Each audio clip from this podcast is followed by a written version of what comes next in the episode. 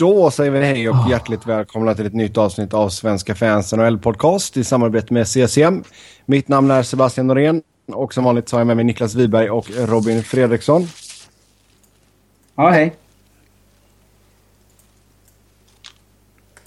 Uh, Niklas han försöker titta på uh, Flyers-matchen samtidigt som vi spelar in detta. Så vi se hur det går. Blir han tyst i långa stunder så uh, beror det väl på att han tittar på matchen då. ja, och eh, om jag svär mer än vanligt så beror det på att jag tittar på matchen. Och om jag eh, stönar alla Bill Clement så beror det på att jag tittar på matchen och inte att jag porrsurfar. Ja, Bra, då har vi fått, fått det undanstökat då. Eh, vi kan ju säga just nu då när vi spelar in så står det 1-1 mellan Nashville och Philadelphia efter första perioden. Tror lyssnarna skulle uppskatta om vi bara livesnackade om en match någon gång. Ja, det kan väl vara någonting som vi kanske kan prova på någon dag. Uh, men nu har vi ett körschema som vi ska hålla oss till. Och uh, först upp på det så står det att Danny Subers signar ett ettårskontrakt med San Jose värt 600 000 dollar. Eh, ungefär 599 eh, 000 för mycket. Är det inte här typ fjärde podden i rad som Daniel Subers är på körschemat? Jo. Det är, det är ju för... Nej, skippa det bara. Uh, ja, det är väl mest pliktskyldigt att han är uppskriven. Det är väl mest för att man vill uh, ja, mer eller mindre idiotförklara Sharks för min del. Han var skitdålig förra året. Peter de Boer gillar honom. Eh, och precis som jag sa när vi snackade St. Louis och vad de gjorde för några veckor sedan så är det här en pungspark mot alla som är i, i AHL. Framförallt som DeBoer säger att han ska spela liksom. Mm, San Jose Barracuda, AHL-laget där. Uh, det, det är väl alltså, Kennedy, det är en helt annan grej. Han är ändå kompatibel, han är ändå hygglig. Jag ska inte nämna Tyler Kennedy i den här podden. Uh, Va? Men eh, alltså, är, är, det inte så att det finns ganska många tränare som har ett par sådana spelare som de gillar som kanske inte är så jäkla bra egentligen? Jo, alla har en sån. Har det. Alltså, Boudreau, Clayton Stoner, Vigneault höll ju fan fast vid Tanner Glass hur länge som helst. Um, uh, ja, Babcock hade Daniel Cleary. Om de hittar någon ny pojke att gilla Toronto snart. Um, har Quenville någon? Nej. Kanske Roosevelt lite grann där ett tag, men han var ändå hygglig. Men de hade ju inte så värst många andra backar heller. Ja. Uh...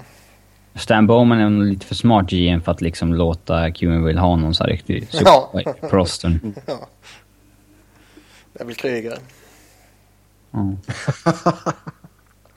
ja. Yes, men så är det i alla fall och nu är då Subers i San Jose. Sen eh, Columbus sägs vara redo att lyssna på erbjudanden på Ryan Johansson. Och eh, sägs även shoppa Cam Atkinson och Kirby Reichel. Har inte de shoppat Cam Atkinson i fyra år typ? Eh, mer eller mindre. Ja. Uh... Lyssnat på erbjudanden om Kirby Reichel i ett halvår i alla fall. Ja, det är väl inga nya grejer så sett mer än att de kanske gör det på riktigt nu om man säger så. Tidigare kan man ju mer ha varit så att oh, men vi kanske är villiga att lyssna på erbjudanden. Nu kanske man aktivt försöker sig på någonting. Det intressanta är ju Ryan Johansson. Ja. Ehm, det har ju inte alltid varit smärtfritt mellan dem liksom. Och eh, ja, även om det säkert är överdrivet så gick det väl inte jättesmärtfritt nu under tårtan heller i början liksom. Han var väl en liten tändvätska på en eh, brasa som låg och glödde lite grann. Mm, kanske. Och eh, liksom efter den här säsongen så går in på sista året på det kontraktet han skrev och har ju då en lön på 6 miljoner så han skrev upp på bra kontrakt. Eh, hur man än väljer att skriva med honom oavsett om du går long term direkt eller om du gör någon form av mellansteg så, så kommer du bli välbetalt. Och eh, jag håller honom jättehögt. Frågan är bara om eh, Blue Jackets är redo att, att vad ska, ja, go all in på honom. Mm. Jo, alltså jag menar, som du sa, det var ju inte smärtfritt förra gången och nu blev det ju typ en ja, bridge deal och sen fortsätter han att producera. Så det är klart att han vill säkert ha väl, både välbetalt och långt. Ja, men det är klart. Han är ju, han är ju RFA fortfarande efter det kontraktet går ut, men um, de ska nog inte ja, leka med elden så att säga om man är Columbus. Nej, alltså han är ju alltså han är ung och han är jättebra och han är ju någon som alltså han är ju den centern de har fått fram som de egentligen alltid har saknat. Uh, han som jag, skulle spelat med Nash en gång i tiden. Ja. Så jag skulle vara rätt så rädd om jag var Blue Jackets och liksom skapa mig en fiende i honom så att säga. Eh, skulle det sen bli så om man väljer att trada oavsett om man gör det idag eller om två veckor eller till sommaren eller eh, mot slutet av nästa säsong så kommer man ju få ett jättebra utbyte. Ja, för samtidigt så lär du väl få, alltså, ju tidigare man kan släppa honom i så fall så desto bättre kommer det bli. Ja, det är, det är klart. Alltså kan du få så, Ryan Johansson menar... Kan du få han ett och ett halvt år på fyra miljoner så ja, det är klart du betalar för det liksom. Jo, så de ska nog ta det beslutet hyfsat snabbt ändå ifall man ska mm, öppna plånboken och betala honom eller skicka honom. Ja, det håller jag helt och hållet med om givetvis. Men eh, det jag menar är att även om man avvaktar så kommer ju inte priset bli dåligt. Nej, absolut inte. Absolut inte. Men eh, som sagt, det, det, är också en sån spelare man inte borde låta eh, liksom ens gå in på sitt sista år utan att ha någonting klart. Nej, det är klart. Nej. Så ja, vi får se, vi får se vad, skulle, vad som ni göra. skulle försöka signa långt med honom så fort det gick.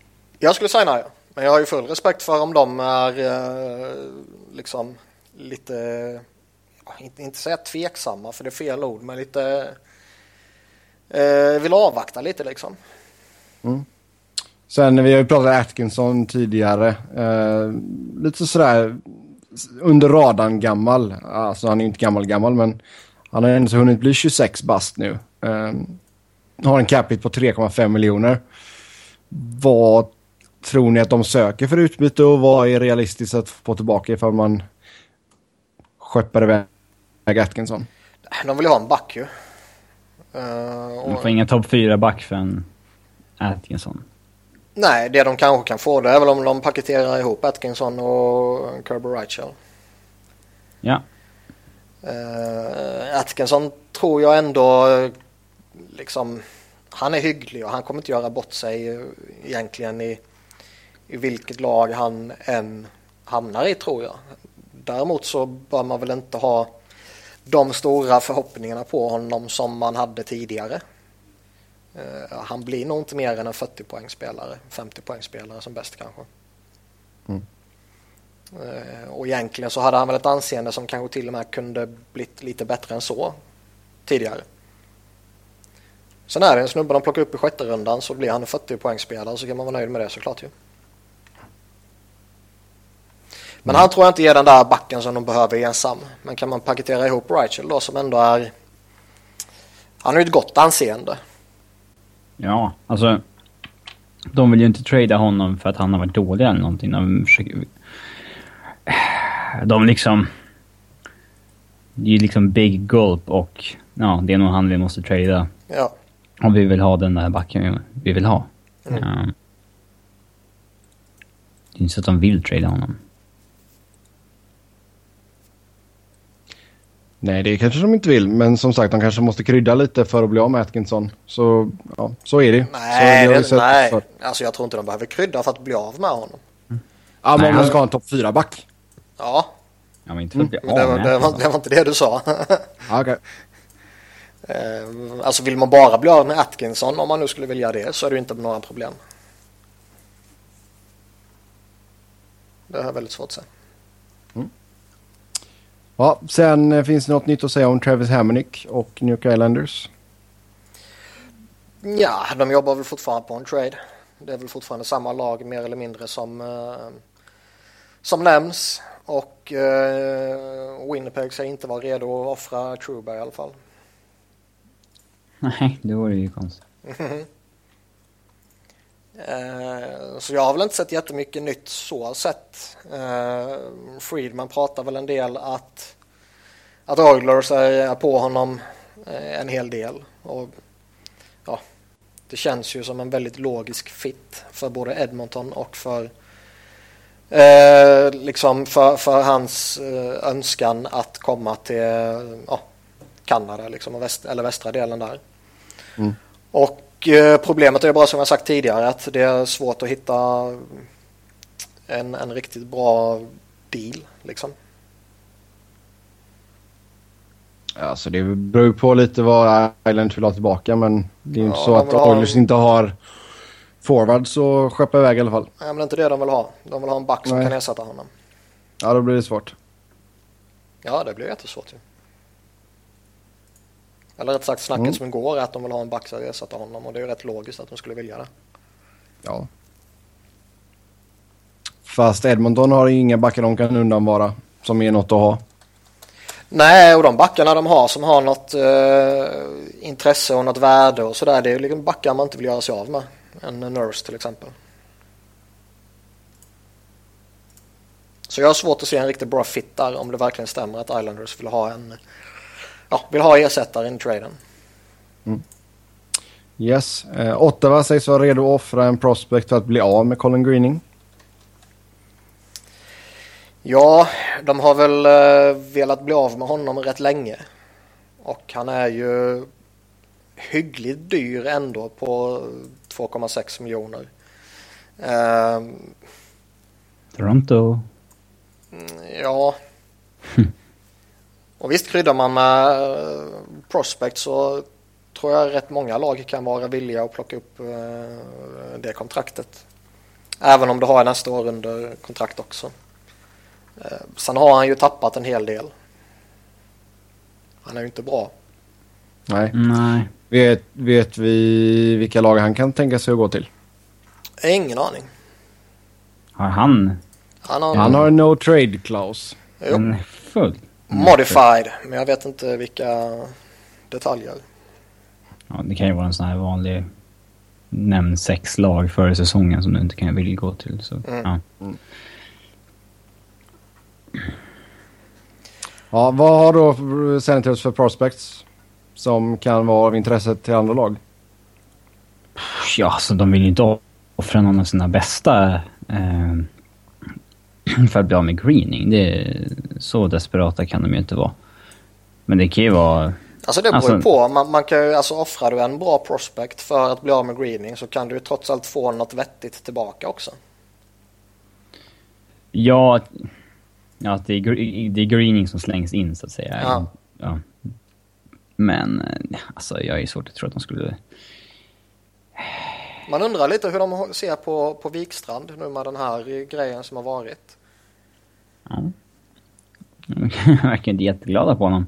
Nej, verkligen inte.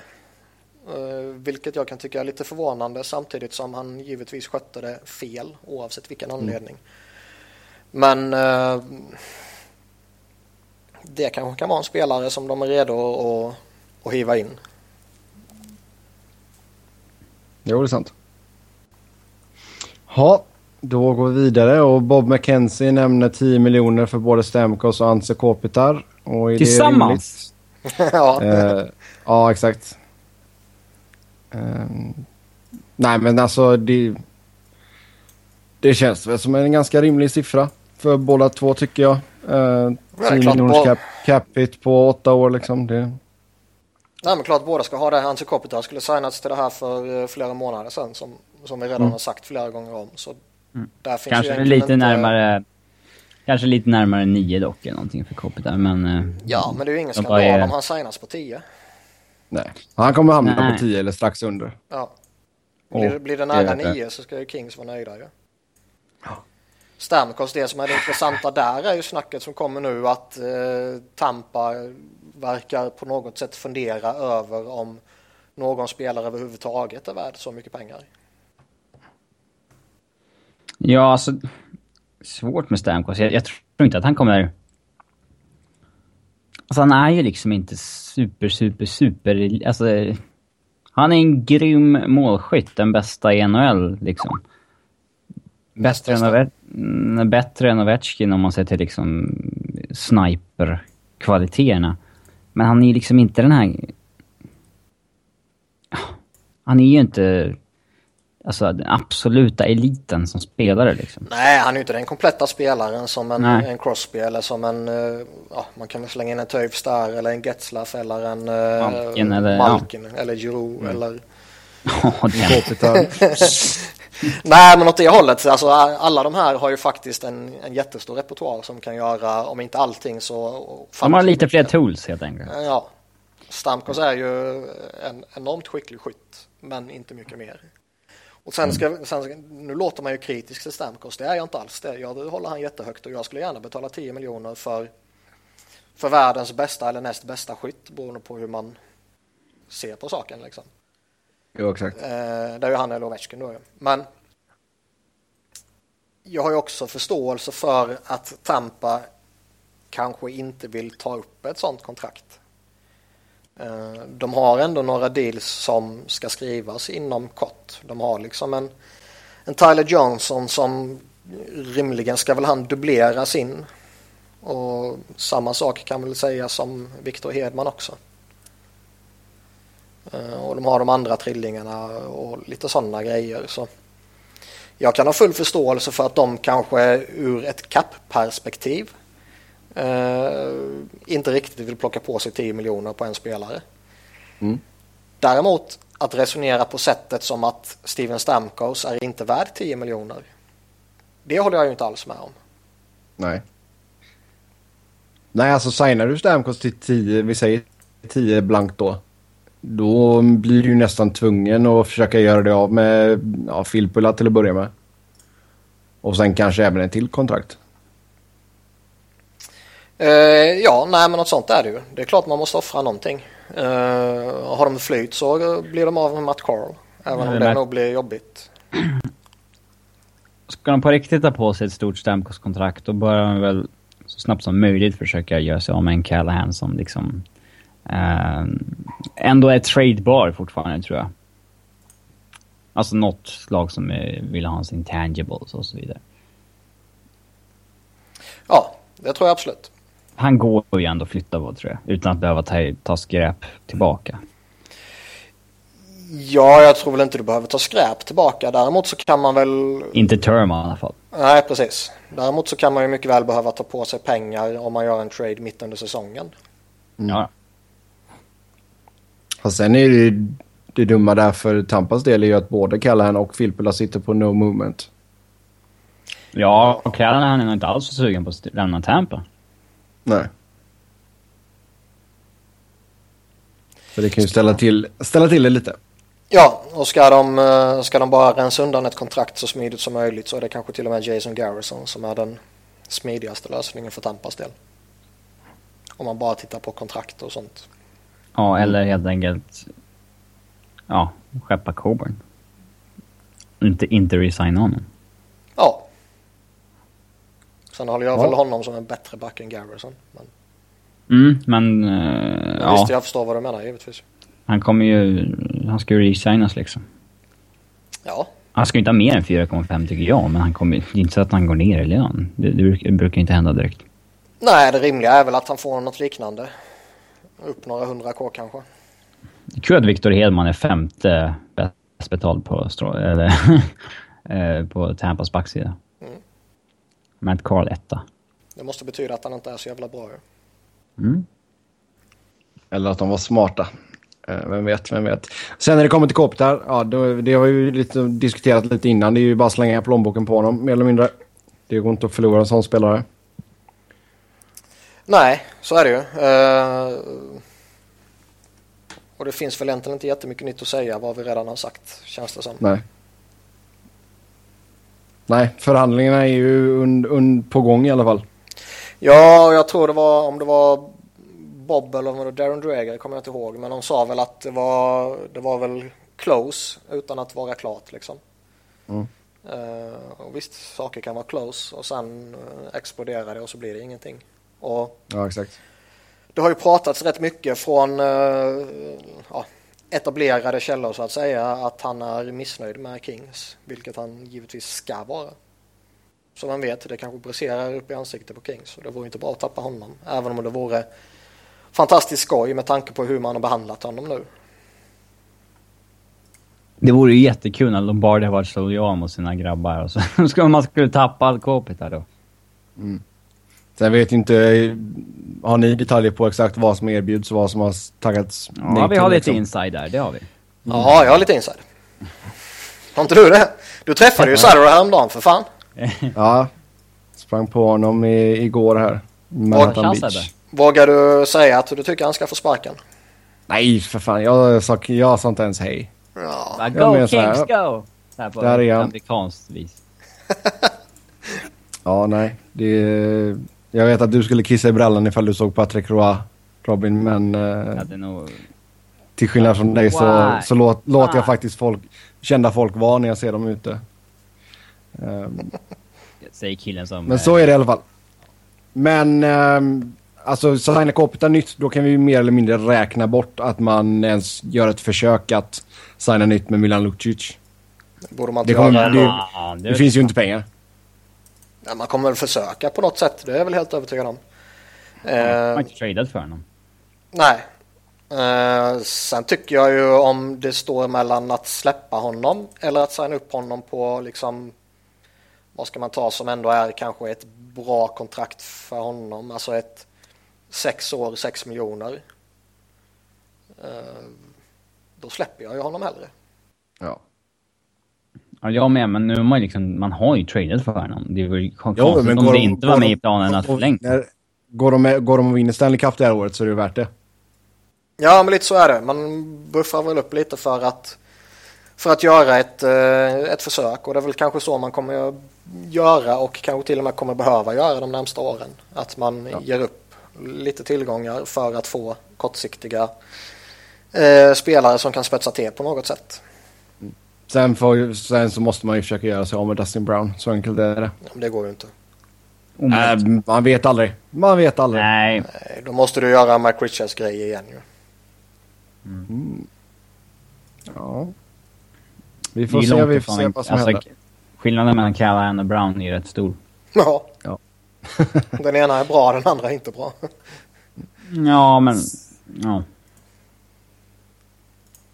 Robin, jag skulle uppskatta för att du slutar käka godis. Nej. Jo.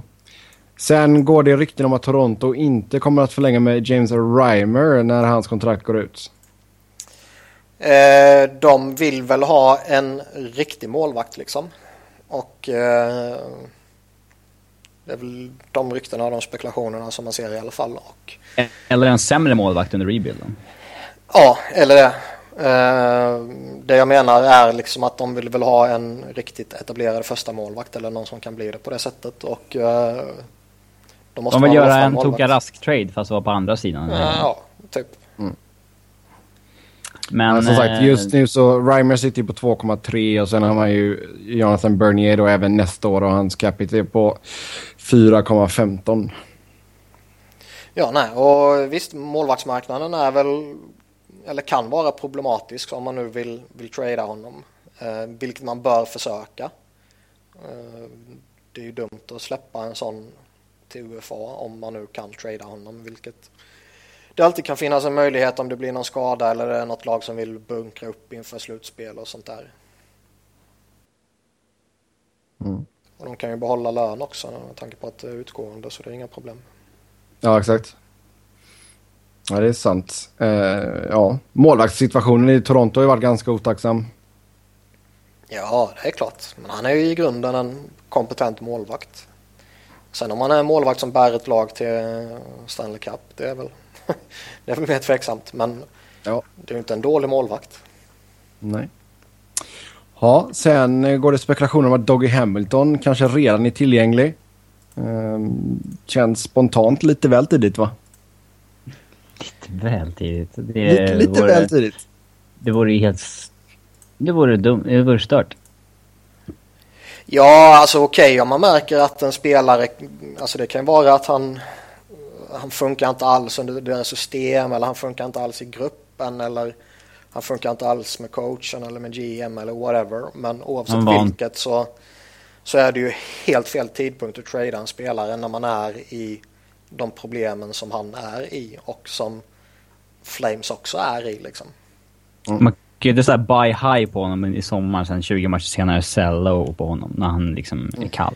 Nej, alltså även om du märker att nej, det här funkar inte alls så måste du i alla fall vänta till han spelar på normal nivå och då göra traden i så fall. För man vet ju att trada honom nu eller trada honom om ytterligare 20 matcher om de efterföljande 20 matcherna nu är eh, den Dougie Hamilton som vi såg stora delar av i Boston. Så är det ju två helt olika trader man gör. Absolut. Nej, det är som sagt, det har inte gått så jättebra för honom. Han har gjort två mål och tre assist på 22 matcher. Så det var inte riktigt den spelaren de trodde att de eh, tradade till sig, självklart. Sen har han ju gått ut och pratat om att det har varit en svår omställning och allt sånt där, men... Ja, det är inte, ja. Bara, det är inte bara produktionen som har varit sådär, utan det är spelet i övrigt också. Alltså, han hade ju kunnat haft den produktionen och ha varit jättebra också. Mm. Uh, den sticker väl inte ut så mycket, men... Mm. Men jag, jag tror att fortfarande att de förväntade sig mer än fem pinnar på 22 matcher från Doggy Hamilton. Ja, men vi snackar ju om 22 matcher. Alltså jo. det är ju... Det är ju så... Det är jätte, jättelite tid att bedöma det på. Alltså en produktion, liksom. Det är en fjärdedel av säsongen. Någonstans får vi dra en gräns. Ja. Om eh, ta i så fall. Alltså det, alltså när det gäller en back också så är det jäkligt.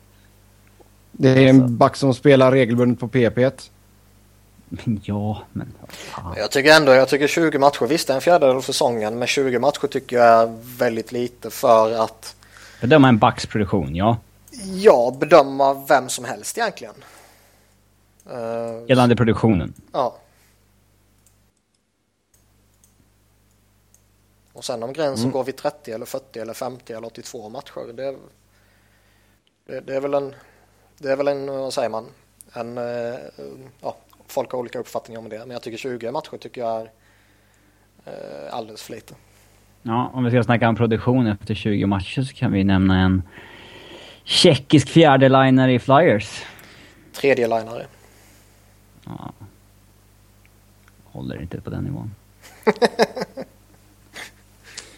Ja, sen Erik Stolkenvård har ännu inte börjat förhandla med Carolina och vad tror och tycker vi ska ske där? De borde väl trada båda. Mm. Eh. Om de kan trada Ward, jag tror inte att... Mm, han, har, han sitter ju på mycket deg och det är väl ingen som riktigt vill ha målvakt. Eh, eh, så att... Nej. Ja. Visst, lyckas du inte trada honom så är ju inte det någon, någon skandal om han lämnar gratis till sommaren. Eh, mm lyckas man inte trada honom så kanske det till och med är någon som man av lojalitetskänsla kommer signa till ett betydligt billigare kontrakt och ha kvar han och Eddie Leck liksom. Men Eric Stahl... Borde man, han borde man ju showcasea rätt hårt. Alltså ja. spela han nonstop i powerplay och så, alltså allt för att liksom... För att han ska göra poäng och ja. Sen, Friedman var ju ute och snackade om att Nashville var en logisk fit här också. Var någon som nämnde Montreal. Och visst, de behöver väl en center. Mm. Eh, men visst, jag, jag, tycker Carolina kommer, eller jag tycker att Carolina borde eh, försöka trada honom. Eh, med det sagt så behöver man kanske inte göra det nu. Utan det kanske till och med kan vara värt att avvakta. För länge, alltså framåt deadline då menar jag. Mm. Eh, för ju längre tid på säsongen som går desto fler lag kommer ha möjlighet att peta in honom under, under lönetaket. Nu är ju inte Carolina ett, eh, ett lag som liksom kan ta på sig lön för skojs skull, men retainar man halva lönen säsongen ut så har man jäkligt mycket bättre läge. Alltså beroende på vad man får tillbaka i en sån trade så kan det ju lugnt vara värt det. Ja, men du måste ju få igenom det uppåt. Sen är det, inte det är ju inget lag ja, som... Nej, nej, men jag menar, får de igenom att köpa ut Alexander Zemin så bör de ju om man får till en monster trade för Eric Stahl så bör man ju kunna ta den smällen i eh, några ja, men månader i, som det rör sig om. Snarare funkar det ju så att om de redan tagit smällen för semin så blir det ju mindre chans att de tar en smäll till. Ja, det beror på mm. hur man resonerar. Ja, men så... Du resonerar på det fega sättet, jag resonerar på det modiga sättet. Ja, men gör jag av med pengar, då har jag mindre pengar kvar sen. Så funkar det i alla fall här. Jag vet inte hur ni gör i Stockholm, men i Växjö har vi pengar. Nej, det är klart jag är med på vad du menar, men jag tror du är med på vad jag menar också. Mm. Det jag menar är att man var, är man redo att göra det på ett uh, ställe så kan man vara redo att göra det på ett annat ställe också. Det är det jag menar. Yes. Ja, sen uh, Trevor Daley på väg bort från Chicago? Frågetecken. Boston, Montreal, Edmonton och Ottawa sägs alla vara intresserade av herr Daley. Alltså kan man få något bra för honom så är det ju jättelogiskt att undersöka saken. Om man, alltså han har inte funkat i Chicago och han är inte särskilt bra och... Eh, alltså... Kan de få en ny topp 4-back för honom så absolut. Liksom. Ja.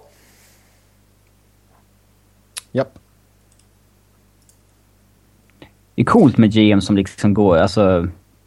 Gör något som liksom är egentligen against the rules, så att säga. Trada en kille de nyss tradar för liksom. Uh, och det är ju inte att jämföra med Hamilton-situationen. Liksom. Daly var ju en del i en större trade och är inte alls på den nivån Dog Hamilton är på. Nej. Yes. Sen eh, så nåddes ju av rykten häromdagen att Sidney Crosby och Mario Lemieux ska ha rykt ihop. Eh, Crosby gick ut och förnekade det såklart. De förnekade med sån kraft att det liksom allting tyder på att det är sant. Du blir skeptisk. nej, men de förnekade med sån kraft så att allt tyder på att det är sant. Ja. Annars skulle, han, annars skulle man skakat på axlarna liksom. Nej, nej, det är inga problem. Ja. Eller skakat, ryckt på axlarna säger man kanske. Mm. Nej då, skämt åsido. Jag tror, jag tror det är... Uh, Bullshit. Jag tror det, ja det kanske är alltså de är väl missnöjda på något sätt. Kan jag alltså mycket väl tänka mig med tanke på, på hur han själv har spelat och Pittsburgh har väl inte alltid varit jättebra den här säsongen och det går ju rykten om att eh, de vill sälja liksom och sådana grejer. Så. Det är väl möjligt att det är lite heated discussion mellan ja. liksom, starka parter i Pittsburgh. Ja, men jag har väl svårt att se att de har gått och blivit liksom, fiender. Även om mm. jag givetvis gärna skulle vilja se det. mm. Så det tror jag inte jo. är något speciellt. Mm. Det verkar vara Matt Barnaby som uh, breakade det. Så jag vet inte hur hårt man ska ta på det. Mm, okay. Det är ofta ja. lite... Det känns lite mer genuint faktiskt när det kommer från någon så här spelare som faktiskt känner folk som så här, ja, än om det kommer från någon halvhygglig journalist. Då kan det vara... Mm. Ja, det kan ju vara allt från super inside information till uh, rent skitsnack. Mm. Barnaby aldrig snackat skit. Nej, han är en bra pojk. Mm. Inte alls ett svin. Sådär, lite tekniska problem. Eh, växtnät. Alla växtnät. Mm. Men vi är tillbaka. Eh, Montreal, där har Carey Price gått och blivit skadad igen. Man säger att han ska vara borta runt en vecka den här gången. Ja, och det vore givetvis inte alls bra om Carey Price får en säsong där han eh, går in och ut ur laget. Det är inte bra för några, men framförallt för Habs som lever rätt hårt på honom. Så är det ju givetvis ett jätteslag. Och ja, alla fattar väl att Mike Condon inte kommer vara gud i liksom hela säsongen. Så har vi en Andrew Hammond också. Mm, det gjorde vi. Ja, men han började väl inte i november? Nej. Och han är inte bra heller. Nej. Nej, nu är han skadad till och med. Så så är det med det. Jo. Mm. Uh, sen den, ja, alltså en av de mest bisarra skadorna jag har sett på länge. Uh, Nail Jakobov, uh, domaren ramlar på honom och uh, han blir ankelskadad och är borta två till fyra veckor. Ja, den var ju lite smårolig faktiskt. När man äntligen, man har ändå så fått lite poäng ut ur honom också och sådär och så går detta och händer. Ja, men det är som du säger, det är skitskoj. liksom vad, ja, nej, vad, vad, mer kan man säga mer än att det är skitskoj? Nej, för jag, jag reagerade på att han bara hade spelat fem minuter i den matchen. För jag kollade igenom matcherna. Ja. Uh, för jag hade varit och tittat på uh, Ontario Rain ta sig an Stockton Heat. Så jag fick se Freddie Hamilton spela. Aj, aj, aj. Och Oliver Kylington och Adrian Kempe och lite andra roliga spelare. Eh, så i alla fall, så kollade fem minuter. Jag bara, vad fan har hänt med honom då? Liksom. Och så söker man så här Jakobov. Eller jag skriver in IAK så kommer det upp Jakobov injury. Jag bara, okej. Okay. Mm. Och sen ser man vad som har hänt och man bara, nej, det är sånt får inte hända. Så eh, ja, den domaren han eh, mår nog eh, inte så jättebra. Nej, men vad fan ska han göra? Det är inte så att han bryter foten på honom medvetet. Nej, nej, nej. Han snubblar över honom. Så på ett sätt kan man väl säga att det är tur i oturen också. Vill det sig illa när någon landar på ditt ben så kan du knäcka det fullkomligt och så är du borta länge. Mm. Ja, problemen för, förföljer Edmonton. Det verkar inte spela någon roll vad de gör. Mm. Nej, skit ska skit ha. Ja, men kan vi, kan vi starta någon sån petition att även ifall Edmonton lottas första valet så får de inte få det?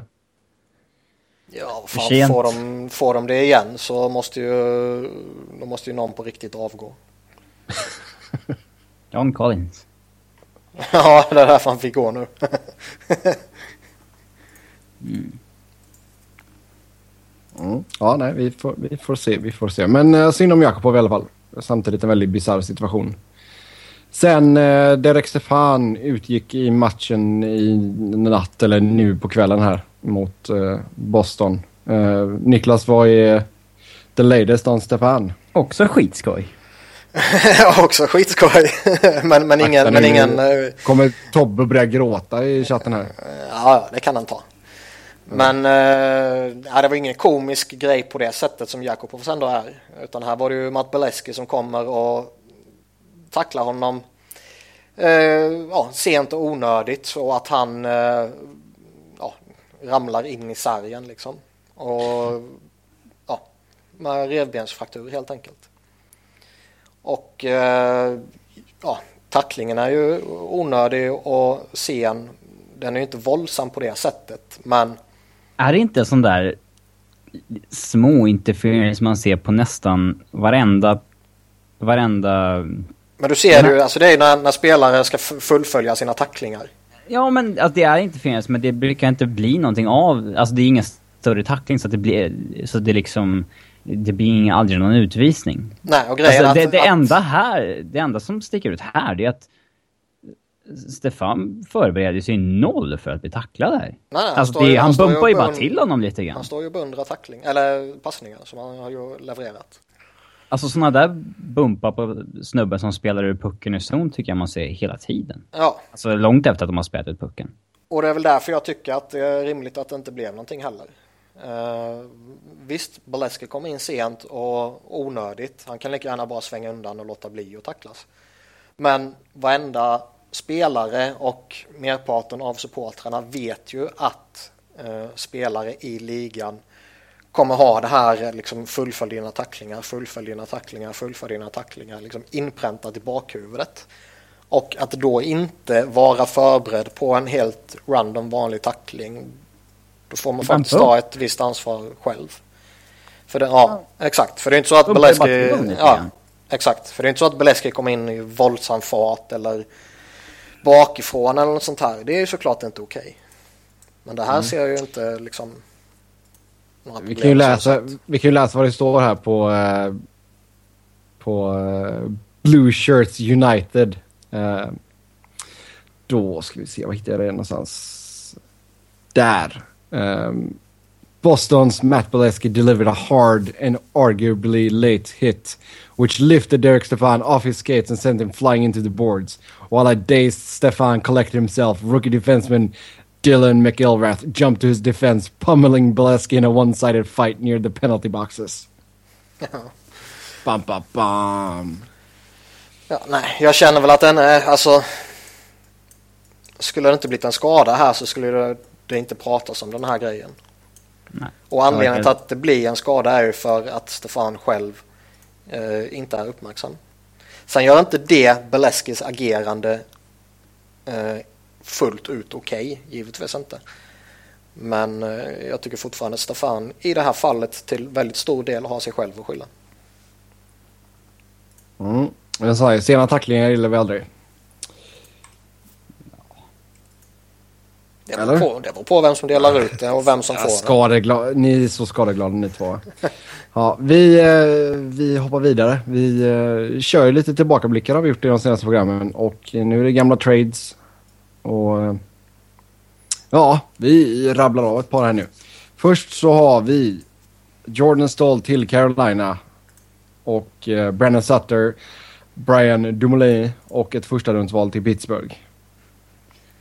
Jag tycker ju Jordan Stahl har eh, i mångt och mycket varit bra för Keynes. Han är fortfarande en väldigt kompetent eh, tvåvägs slash defensiv center så att säga. Problemet mm. är ju att han har väl inte haft den produktionen som eh, de betalar för. De betalar för och som många de både hoppades och trodde och förväntade sig att han skulle ha.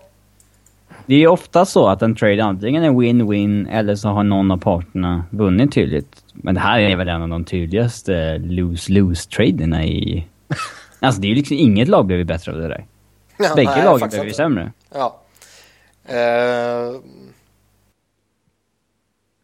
det som, ja, nej jag vet inte vad man ska, alltså positiva delar för Pittsburgh. Visst, de fick en first rounder och de lyckades väl flippa Sutter mot uh, Bonino så det får man väl ändå tyckas vara uh, liksom vettig utdelning för jag tog väl Derek Folliot med första valet.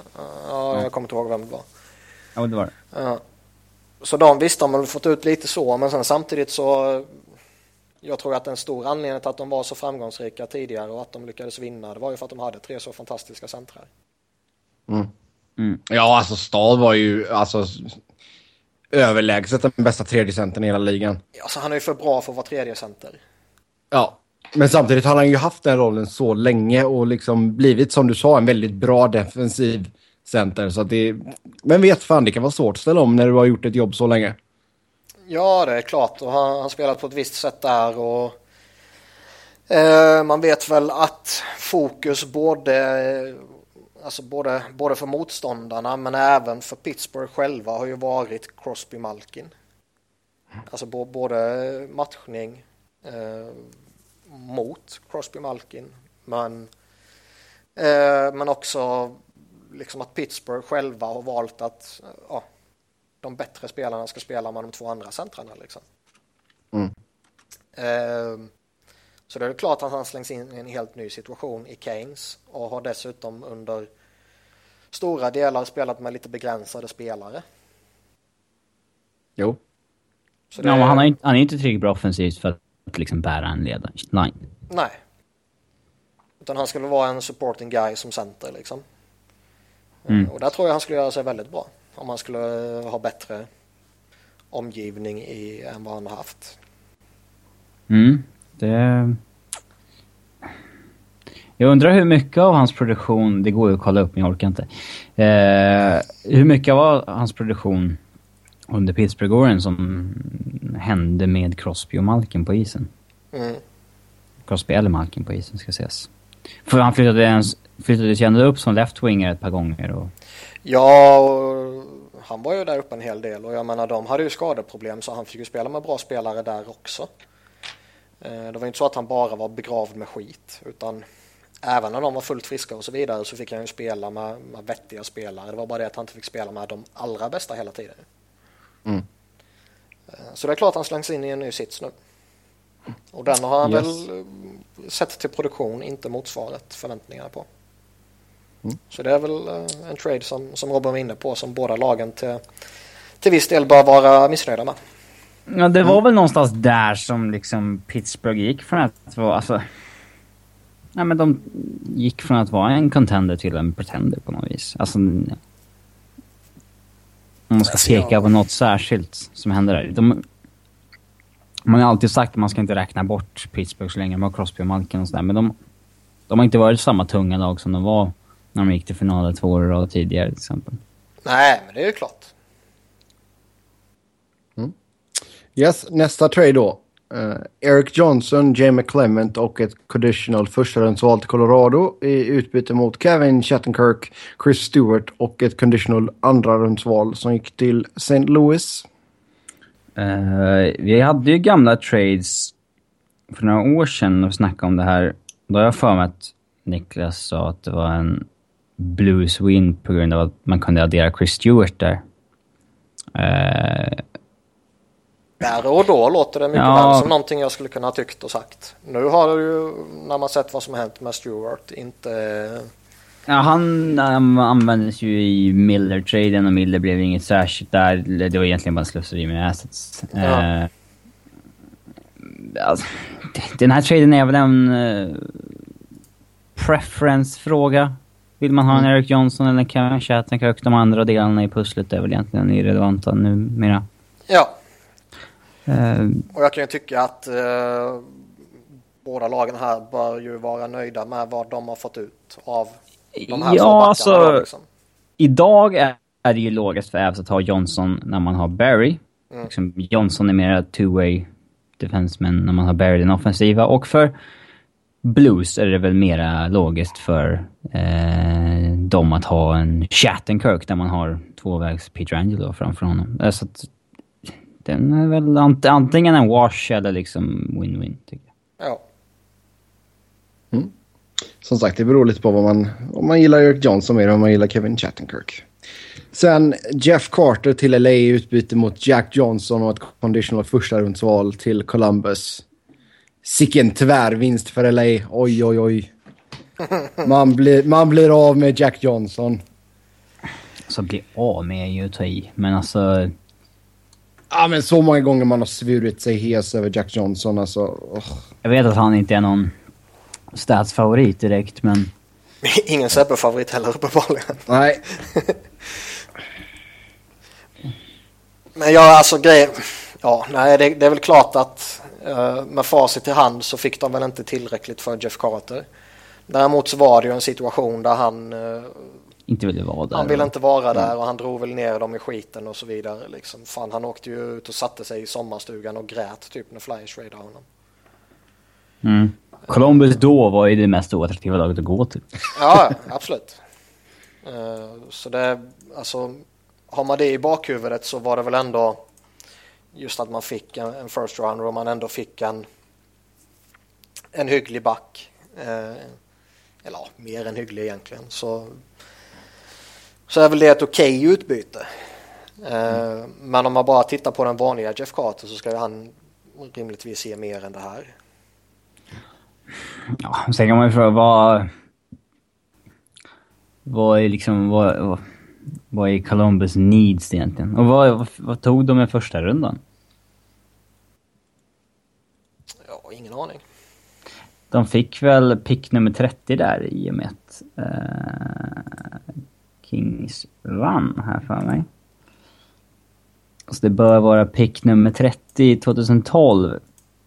Nej, den behöll de. Kings. Okej, den kanske bumpades vidare till nästa år i och med att de gick till slutspel eller vad man ska säga.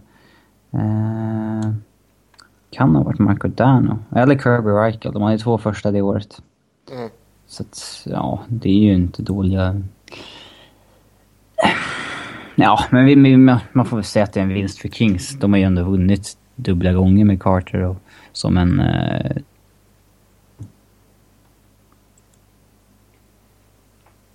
Ja, det är väl ingen snack om saken. Nej, tycker inte jag heller. Sen var det ju viktigt av Jackets att bli av med honom. Mm. Yes, en annan trade som vi uh, ska prata om här som också uh, innehåller Columbus. Det är Marian Gaborik, Steven Delisle och Blake Parlett som gick till Columbus i utbyte mot Derek Brassard, Derek Dorsett, John Moore och ett sjätterumsval. Um, ehm, där och då tyckte man att det var kul att de satsade liksom. Och... Eh,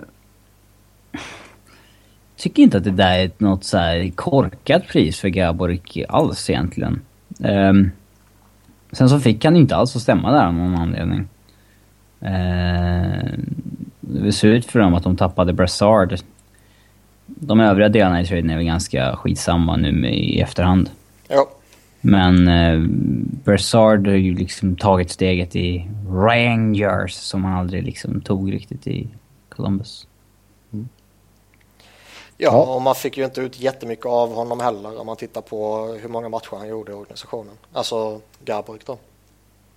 Mm. Så det var väl som Robin sa, det var skoj att man chansade och jag har för mig vi sa det när de gjorde traden också. Men eh, ja, den föll väl inte jätteväl ut så sett. Nej. Oj, nu klagar de på mig i chatten här att inte liven funkar. Ja, jag kan tycka det är viktigare att programmet går vidare. Ja, vi kör på det. Uh, du kan ändå försöka lösa det när vi snackar. Ja. ja. Sen, uh, ja, en till Columbus trade. Rick Nash, Steven DeLisle. Han är, inte, han är med mycket här. Och ett conditional tredjerumsval gick till New York Rangers i utbyte mot Brandon Dubinsky, Artem Anisimov, Tim Eriksson och ett första rundsval.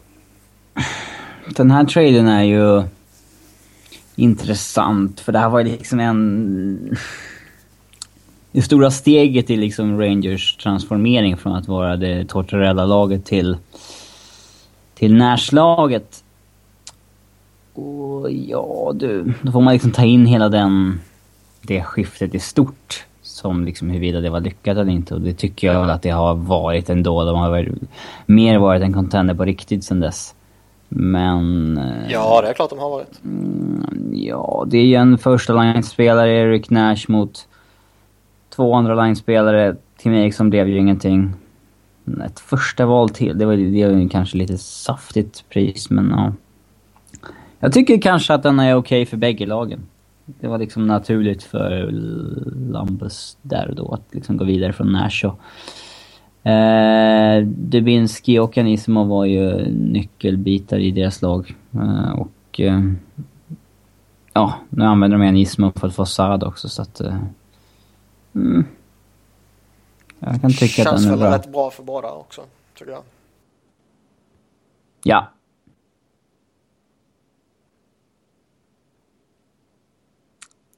Sebbe? ja, vi går vidare med nästa trade då. James Neal. Så, där, där är vi. Ja. Sorry, jag mutade min mick medan jag försökte läsa detta. James Neal och Matt Niskanen till Pittsburgh. Goligoski till Dallas. Mm. Bra, nu kan du muta igen. Ja. Eh. du, jag mutar dig. Den här har väl, den traden var, nej det kan du inte. Nej. Men den här traden har väl varit eh, jättebra för Pittsburgh. Alltså mm.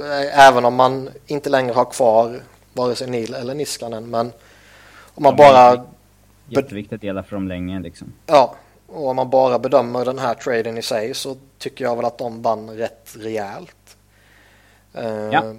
Goligoski.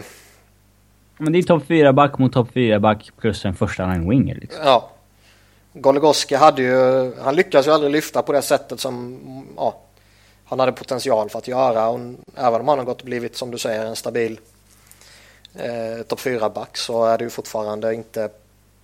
Alltså han förväntades ju på många sätt bli mer än bara topp 4-back. Och det har han inte blivit. Eh, Matt Niskanen har ju ändå, som du säger, varit viktigt för dem länge. och att man släppte honom om det var de kraven han hade för ett kontrakt. Det var väl inte helt fel heller liksom. Nej. Och ja, James Neal funkade ju med, med Malkin och gjorde väl en hel del nytta för dem. Och, han gjorde många mål för Pittsburgh. Ja, liksom. och det, liksom, de fick en hygglig ersättare i Hörnqvist för honom. Så, ja. Det är väl rätt tydligt att de plockade hem den här traden kan jag tycka. Mm. Yes. Sen har vi Jaroslav Halak till St. Louis i utbyte mot Lars Eller och Ian Schultz. Den här var lite, alltså det intressanta här eh, var ju när Canadiens liksom stod och valde mellan Halak eller Carey Price. För det var lite det de gjorde, eller lite, det var ju jättemycket och uteslutande det de gjorde där och då. Mm. Där Halak hade flugit högt och flugit lågt och Carey Price hade flugit högt och flugit lågt. Um, med facit i hand så är man nog rätt jävla nöjda med att man skeppade iväg Halak. Mm, men det är men liksom... där och då var det ju inte jättegivet vilket beslut man skulle ta. Nej, och liksom... För 12-13 säsongen så var Price 90,5 i räddningsprocent och under 90 i slutspelet. Mm. De, alltså det är ju Alltså från 2013 och framåt som han har varit högsta elit. Det har ju varit lite liksom tugg fram och tillbaka huruvida det var rätt eller fel ens liksom... Sen dess egentligen. Det har ju dött ut lite de senaste åren. Yes, sen uh, Mike Richards och Rob Bordson till LA. Utbyte mot Wayne Simmons, Braden Chen och ett andra rundsval som gick till Philadelphia. Ja, eh, givetvis var det tråkigt att tappa Mike Richards. Eh, han var ju av rätt så naturliga anledningar en av mina favoriter i, eh, i Flyers back in the days så att säga. Um, sen samtidigt så om, om man nu tog beslutet att trada honom så tycker jag att utbytet var bra. Man får inte heller glömma att Braden Chens anseende där var ju så oerhört högt. Det var ju liksom... De, han, var, han var hypad. Det var ju den bästa spelaren utanför NHL och så vidare och, och jättemycket snack så han Eh, ja, den, de förväntningarna har han ju inte motsvarat. Sen samtidigt så var väl de förväntningarna liksom orimligt höga. Men att få, att få... Det var han som var stora utbytet, det var inte Simmons. Nej, nej, det var ju Chen som var den stora grejen. Utan ja. det var ju liksom, det var ju den nya Mike Richards man fick i Brian Chen. Var snacket då. Och, ja, det minns jag att vi har sagt flera gånger. Jajamän, jajamän, jajamän. Och eh, ser man till de förutsättningarna så var väl utbytet jättebra. Eh, ser man till vad det har blivit idag så är väl utbytet bra. Och eh, med i hand så var det ju jäkligt rätt läge att släppa Mike Richards. Ja. Även om ja, det inte fallit så väl ut för Kings, eller för Flyers. Så jag tror inte att det hade varit bättre för honom om han hade hållit kvar vid Mike. Nej, alltså att, att, han skulle tackla av och sådär, det var så småningom, det var väl rätt givet. Uh, med tanke på vilka skador han har haft och vilken spelstil han hade och så vidare. Var ju aldrig liksom yttersta elit vad det gäller produktion och sådär egentligen innan. Uh. Nej, nej. Utan det, det som förvånar mig lite det är väl att tappet kom, alltså på vilket sätt tappet kom och att det kom förhållandevis tidigt. Mm. Absolut. Och gick från hero till zero liksom under, under ganska kort tid. Ja. Mm. Sen så går vi vidare. Chris Kunitz och Eric Tangrady till Pittsburgh. Ryan Whitney till Anaheim. Eh, Kunitz har ju varit en väldigt lojal och kompetent soldat för Crosby och gänget i rätt många år. Så jag tycker väl att bara det gör att, att Pittsburgh går vinnande ur den här traden. Eh, Whitney blev ju ingenting. Nej, men han, var, han hade ändå ett anseende där liksom. Han hade ja. gjort eh, en hel del bra grejer och så vidare. Så det ja, att man gjorde traden har man förståelse för ur Anaheim-perspektiv. Men eh, med facit i hand så var det ju jättemisslyckande. De flippade honom mot Wisnowski rätt snabbt. Ja. Mm. Okej, okay, vi går vidare. Joe Thornton till San Jose. Uh, Marco Sturm, Brad Stewart och Wayne Primo till Boston. Det här är en av de mest ensidiga traderna under 2000-talet. Alltså, uh, Den är jättekonstig. Ja men hur fan tänkte de där och då? Man kan alltså, de, alla de här trainerna vi haft kan man i alla fall... Okej, okay, där och då så tänkte de så. Vi, vi, kan förstå det, men... Hur tänkte de här? Det enda jag liksom... Det är liksom, det är tio år sedan nu, så man var inte liksom med i NHL på samma sätt då som man är nu. Nej, men fan, du var ju 6-7 år bara. så jävla kul är det inte varje gång det. ah, jo det är det. Din lillskit. Men liksom, eh, alltså Brad Stewart var 26, Marcus Sturm var eh, 27, Wayne Primo var 29. Det var, det var inte direkt en rebuild-move de gjorde här. Alltså, re, re, alltså... Det, alltså, det snackas om att de vill göra en shake-up då. Men vad fan, shake Jo, det ville de ju göra och ja, men... det funkade väl inte med honom. Det, det var ju det som var anledningen. Men... Idiotiskt. Det var ju liksom ändå en snubbe som hade gjort... Eh... Han var ju bästa poänggöraren i NHL då, då, typ. Ja, och liksom över 100 poäng eh, säsongen innan och lite sådana här grejer. Eh, eller två säsonger innan. Och nästan point per game säsongen innan och hade ju ändå börjat med Boston alltså bra, 3 poäng på 23 matcher. Eh, oh, och att, och, och, okej, liksom att jag, jag kan väl ha förståelse då för att om det inte är någonting som funkar och man vill göra en sån här shake-up då liksom. Det kan jag ha förståelse för att man gör, men att man skickar så här uppenbart liksom, kvalitet mot halvhygglig kvantitet. Mm. Det är ju jättekonstigt. Man fick ju inte, alltså visst Sturm var väl, han var ju helt okej i rätt många år. Man fick ju inget över det. Alltså, nej, inget. och liksom Brad Stewart var ju ändå en, en lite, hans namn var ju ändå lite sådär halvhyggligt stort. Och men, Wayne, Wayne Promore, liksom, det är fan Keith Promores brorsa för fan. Han är ju värd hur mycket som helst egentligen. Men alltså... Men, alltså skickar han, du en sån här spelare så måste du ju få något jävligt bra tillbaka. Alltså han gör alltså 125 poäng den säsongen han blir traded. Mm. Och de får liksom inget elit tillbaka, eller ens med potential då. Nej, men alltså, Boston hade ju jättebra år efter det, men man undrar ju hur... Nej, men man gav ju Hur bra hade de kunnat varit liksom? Ja, man ja. gav ju bort honom, men det förstår jag inte hur man kan göra med en sån spelare. Hur mycket du än kan tänkas avsky honom eller hur mycket det än eh, skär sig mellan han och lagkamrat eller han och ledning och så vidare, eller vad det nu än är så mm. kan du inte skänka bort en sån spelare på det sättet. Ja. Och det gick väl snack då om att när Thornton tradades så det var liksom många som reagerade efteråt, alltså andra GMs liksom med att shit, jag visste inte ens att han var tillgänglig liksom. Varför skulle Boston ja. vilja... Alltså att liksom... Och det, det där är vi också snackat om, liksom, ska man skeppa en... Ska man skeppa en storstjärna, då får du ju fan meddela andra lag det. Mm. Så ja. att du kan ta bästa möjliga bud. Försöka så här, skepp, skeppa din bästa spelare i hemlig... Vad, vad har man att tjäna på det liksom? Nej, det är jätteudda. De försökte dessutom skeppa honom till eh, Florida var det väl innan, men att...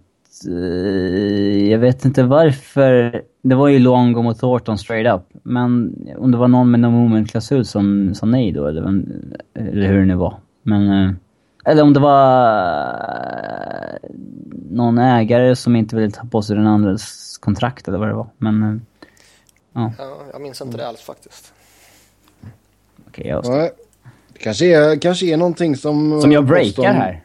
Nej, men alltså just det här med Boston, att man inte meddelar folk och att man gör, gör sig av med ja, potentiella storstjärnor. Då. Det gjorde man med Sagan också nu. Um, men var, det, inte, var det man... inte samma med Dougie Hamilton, att alla inte visste att han var tillgänglig? Jo, det var likadant med Milan Lucic också. Mm.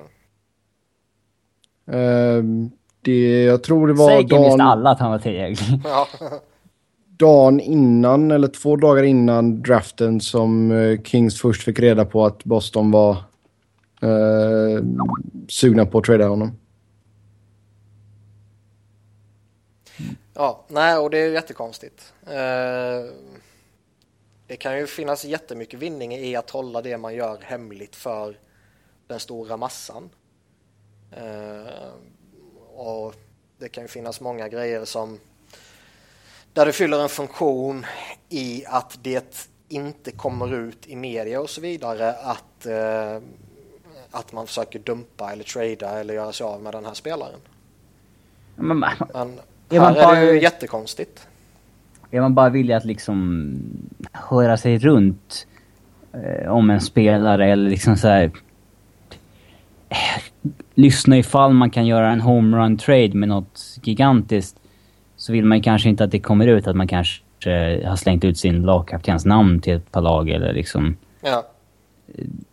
Det är väl en sak, men... Det är egentligen skillnad på shop, alltså liksom stoppa din lagkapten eller liksom... Mm. Eh, försöka använda honom som ett tool för att liksom göra någon monster trade som verkligen skulle supergynna dig. Uh, Vad var det jag... Jo, jag tittade på länken här som vi fick skicka till oss i chatten. Uh, Jacob Truba la in en rejäl tackling på Granlund här. Det är bra. Om ni tittar på den så kan vi faktiskt diskutera den tycker jag. Ja, den tra- träffar i axeln så att... Det känns ju som att han mosar huvudet och axeln samtidigt. Ja, Alltså nu är det ju bara från en vinkel som vi ser detta men... Axeln först. Jag tycker det är axel och sen huvud. Huvudet kommer alltid vara med där. Det är svårt att... Däremot har väl Truba, har inte han några sådana här samlad? Jag vet inte. Mm. Ja, vi får se vad som händer där helt enkelt. Jag tycker den är på gränsfall i alla fall. Sen vill jag gärna se den från några fler vinklar. Bra att du garderar upp dig så. Ja. Ja, varför inte?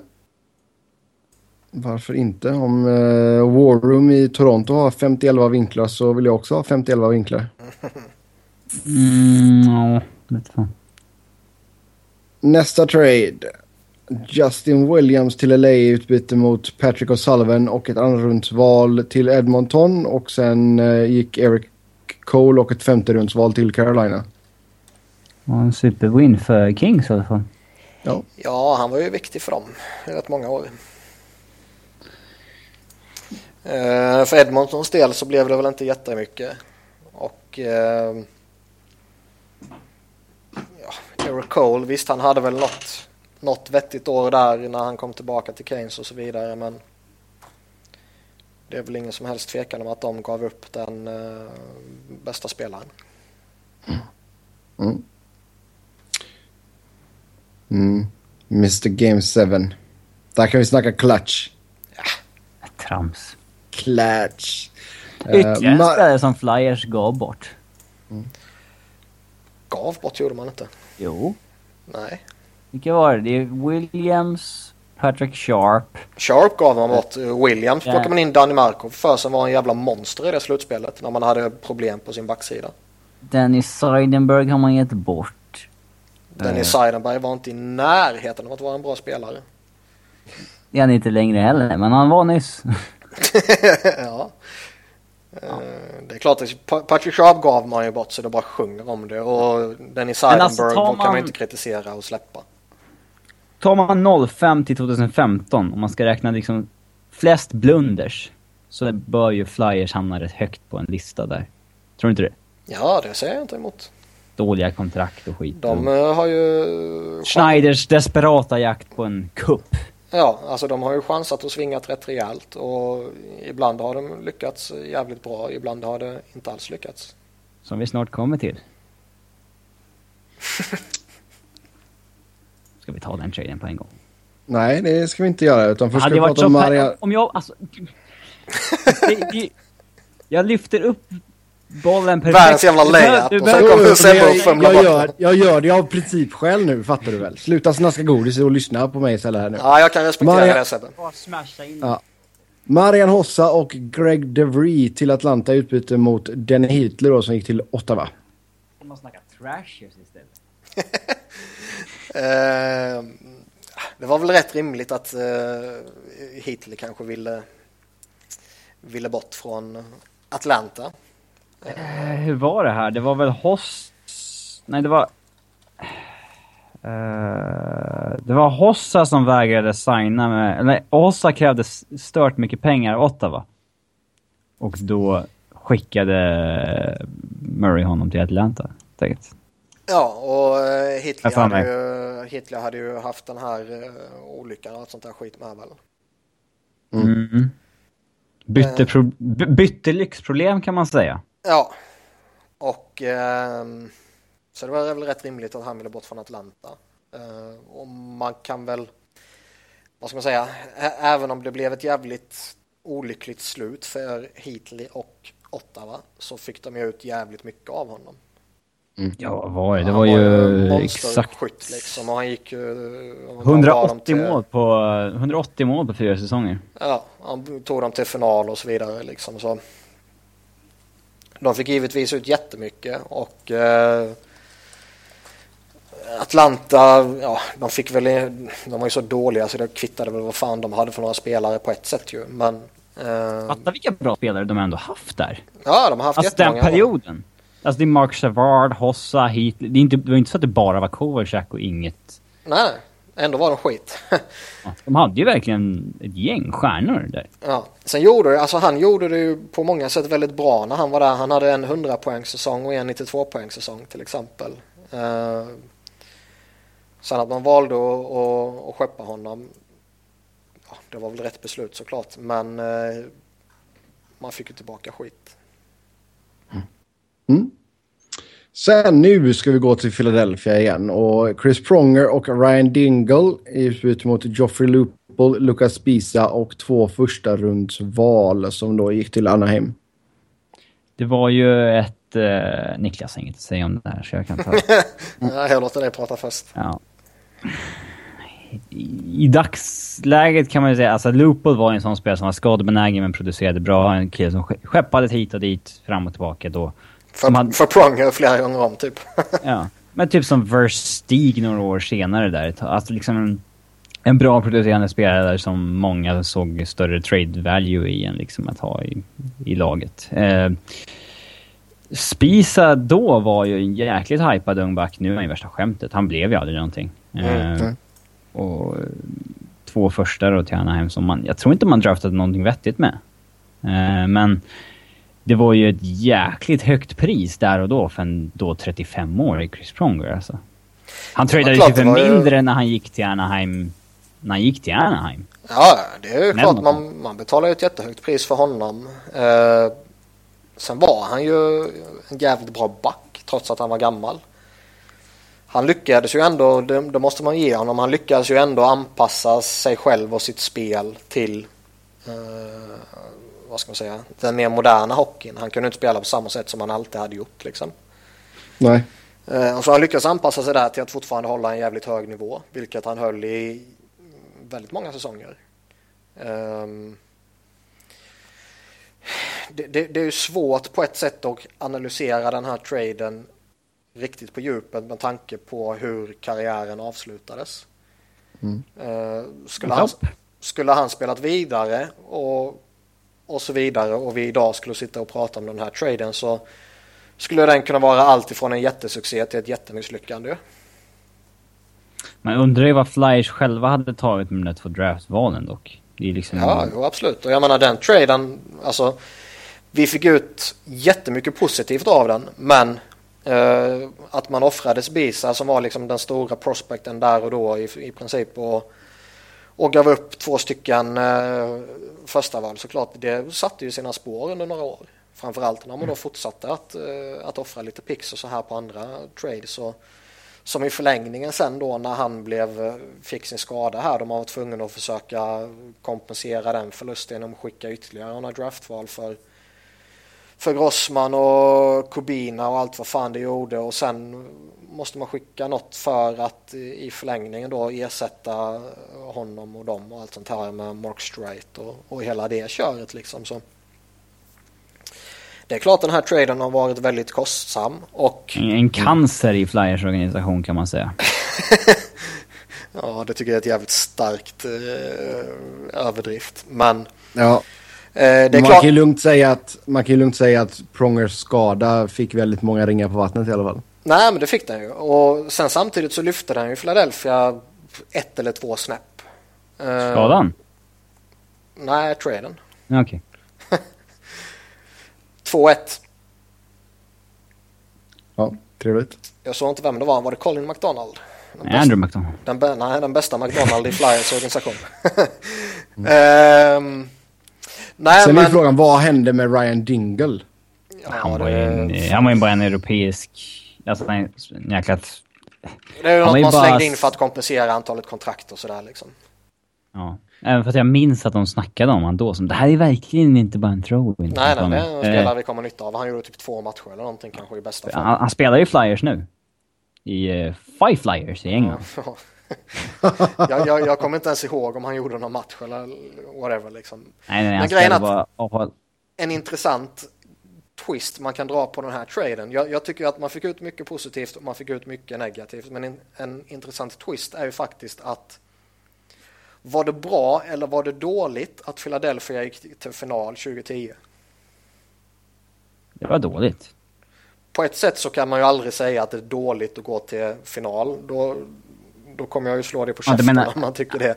Men ur ett längre perspektiv, att man gick dit och att man liksom fick för sig att fan nu är vi en contender, nu går vi för det, nu försöker vi göra det här, nu offrar vi saker och så liksom bla bla bla. Och... Ja men då är det ju konstigt att skeppa Richards och Carter som var för, för stora priser när man tog sig dit. Ja, men jag håller med dig, men skulle man inte gått till final uh, uh, vad heter det? 2010 så vad skulle då ha hänt med, med allt det där och med Bruscal och allt som liksom den har ju fått sådana enormt stora ringar på vattnet. För utan Pronger i laget skulle vi inte gått till final. Det är jag 100% övertygad om. Så det är Prongers fel att ni signar Bruscal till ett skitkontrakt? ja, ja mm. visst. Vill du tolka det? Man undrar ju vad... Dels undrar man ju hur det hade gått för Pronger om inte... Alltså hade han fått andra skador eller liksom... Det är ju inte helt omöjligt, men alltså... Nej, jag menar han eh, hade ju lite skavanker, lite knä och lite rygg och sån här skit liksom. Så han missade ju tid med det ju, så det är möjligt att... idag kanske han inte skulle spela överhuvudtaget på grund av en annan skada. Eh, det vet mm. man ju inte heller, men det är ju alltid svårt när det blir en sån här jävla freak accident att liksom analysera en spelares uh, ja, avslutning eller den här traden eller sådär fullt ut. Mm. Yes, vi släpper det därhen men vi ska stanna i Philadelphia för nu går vi in på lyssnarfrågorna. Och första frågan in är vad är problemet med Philadelphia? Hur kan alla spelare slampa samtidigt? Slampa? Är man, är man så ja, slampa. dåliga egentligen? Hur kan man vara så slampiga samtidigt? Slampa samtidigt? Nej, alltså... stavat, stav, stavat med ett U alltså. ja, det... um... Jag bara skicka in den frågan. Ja, det har jag ingen aning om. Vill man ha med sitt namn får man skicka till Sebbe. Vill man inte ha med sitt namn skickar man inte med. Mm. Uh, om ni skickar till båda, ta Niklas. ja.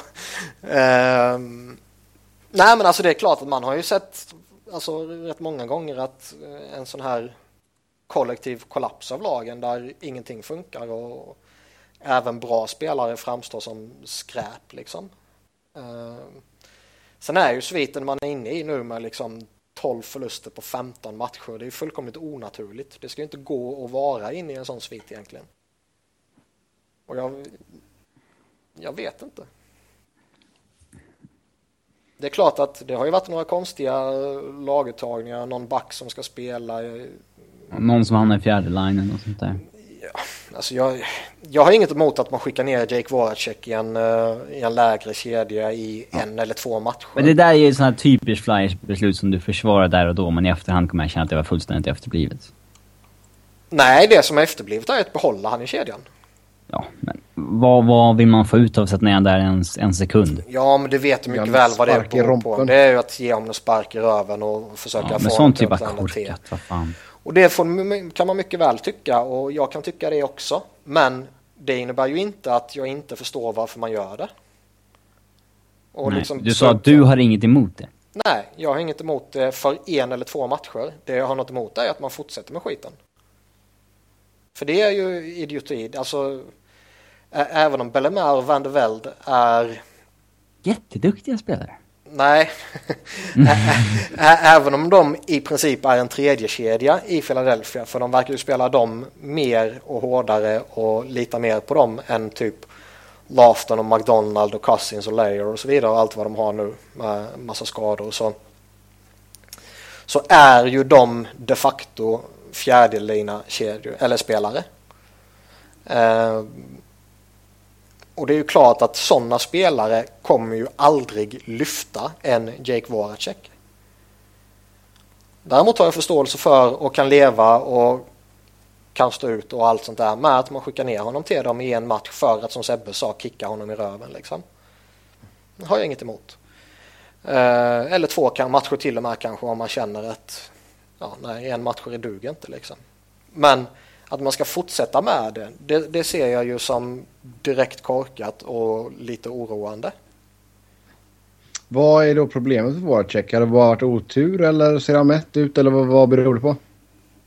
Jag vet inte. Det kan vara allt från kontraktet att han som du säger är en mättnadsfaktor till att han ja, problem alltså får du mer betalt så får du större press på dig och han kan ha någon mentala problem med den pressen liksom. Det kan vara Eh, hans syster fick ju MS i somras till exempel. Det kan vara det som hon kanske mår jättedåligt och han liksom har jätteproblem att hantera det. Det kan vara en sån sak också. Mm. Eh, I början så var det till stor del tror jag mycket oflyt. Eh, liksom han bommade ett öppet mål, han hade stolpträffar och du vet sådana där grejer. Eh, Eh, nu är väl fortfarande som vi var inne på tidigare 20 matcher är ju fortfarande för lite för att säga det ena eller det andra. Tycker jag. Men eh, Ja exakt. 20 matcher är ju ändå betydligt mycket mer än fem matcher som det var i början. Men eh, 20 matcher för en... Alltså bedöma produktionen på en forward på 20 matcher är ju ändå mer... Det är ju mer mm. rimligt än en back ju. Ja. Det är det. Eh, sen det är ju jättemycket oflyt. Alltså han har väl skjutit en och en halv procent eller någonting. Det är ju... ja, han skjuter ju hur mycket som helst och han har uh, jättedålig utdelning. Han har gjort ett mål. Ja, men det är klart att han kommer, det kommer lossna för honom.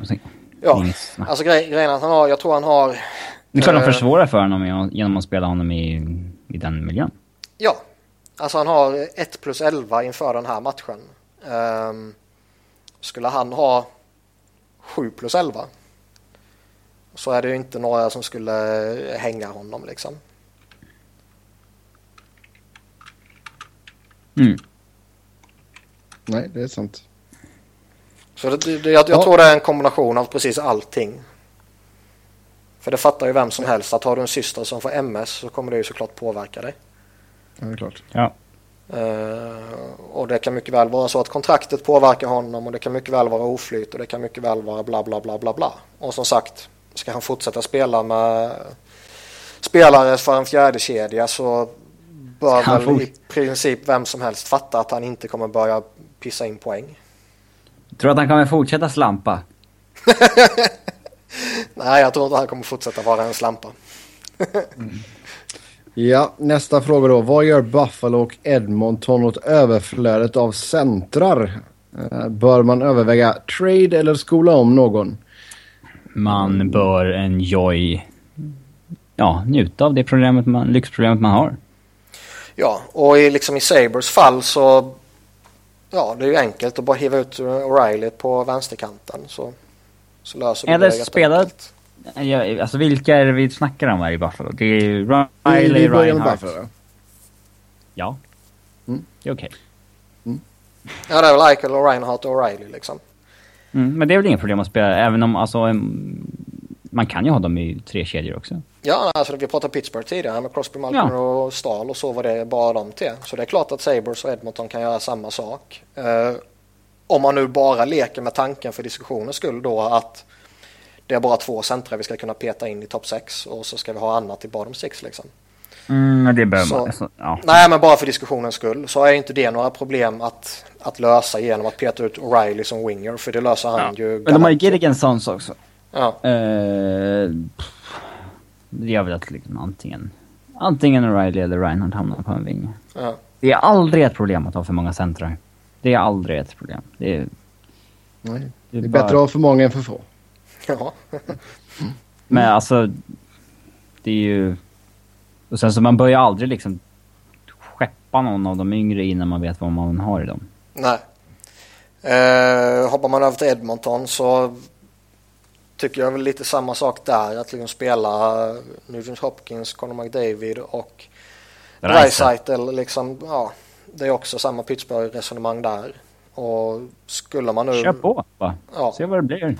Skulle man nu inte vilja ha alla tre på en centerposition så är det väl liksom ja, fortsätt testa Dreisaitl på Ånge liksom.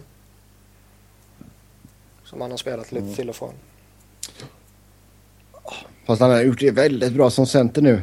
Mm. Ja, alltså jag skulle spela med de tre centrarna. Både i Buffalos fall och i, i Edmontons fall.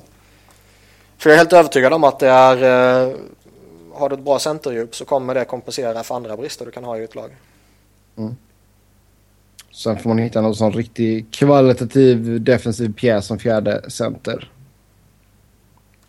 Ja, så har du de tre centrarna så behöver du ju inte ha superkvalitet på den fjärde center. Det räcker att ha en snubbe som kan gå in och vinna teckningar typ liksom. Mm. Mm. Bör Tampa Bay flytta på Ryan Callahan för att göra rum mot Steven Stamkos med flera? Ja. Vi pratade lite om detta redan. Så. Ja, vi var inne på det tidigare och... Ja. Det, det vore inte ologiskt då? Nej. Nej. Ja, eh, nästa fråga då. Vilken tycker vi är den fulaste matchtröjan i dagens NHL? Carolina. Colorado. Tycker folk det på riktigt? Det är tredje stället. Jaha, jag, jag gillar inte dem heller. Jag, jag bryr mig så jävla lite om matchtröjor. Grejen är att jag, jag tycker jag, jag har skrivit upp tre stycken. Det är eh, Colorados tredje ställ, det är Detroits Stadium Series ställ som jag tycker är bedrövligt. Det var inte snyggt det. Nej, och sen är det det här svarta stället som Islanders har. Uh, Buffalos gamla klassiska där, Ott poserade i den, den var nice. Eh, men jag, alltså jag skiter verkligen i matcher och sånt där. Tycker det är jätteointressant. Ja, men eh, det håller jag med om. Men uh, det är väl de tre jag håller som fulast. Men jag har, jag har egentligen inga att slänga ut. Du, mm. ty du tycker också Colorado jag egentligen, det vet jag. alltså, Däremot så är ju Avs uh, hemma borta är ju snygga. Alltså, det, det är bara det här konstiga tredje stället som är jättekonstigt. Liksom, för, för mig kän, känns ju både... Det finns jättemånga Avs-fans som vill uh, rebrancha Avs, liksom byta logga och tröja och hela alltså, skiten. Men uh, för mig som... Ja, för mig känns det klassiskt. Liksom. Mm. Trots att de är en ung organisation känns ju... Man tänker ju på fotboll säkert och de liksom när man ser det stället. Jo. Mm. Tack, jag vet jag gamla Minnesota North Stars-tröjorna. Um, vilket lag hade den dyraste truppen innan lönetakseran och vad kostade den? Uh, Niklas, du gjorde lite digging på det här va? Det var Detroit. Mm. På 77 miljoner. 77 miljoner, vilket år var det? 0304 innan lönetaket. 0304. Mm. Eh, eller innan lockouten där då. Eh, Rangers hade 76, Philadelphia och Dallas hade 68, Colorado 63, Toronto 62. Eh,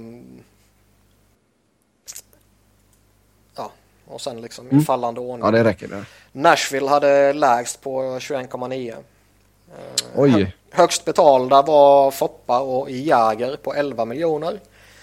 Sen hade vi typ Lidas och Boré Chachak, Fedorov på 10 miljoner.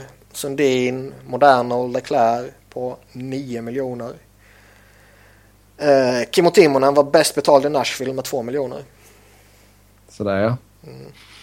Daryl mm. Sedor var bäst betald i Columbus med 3,5. Tommy Salo var bäst betald i Edmonton med 3,9.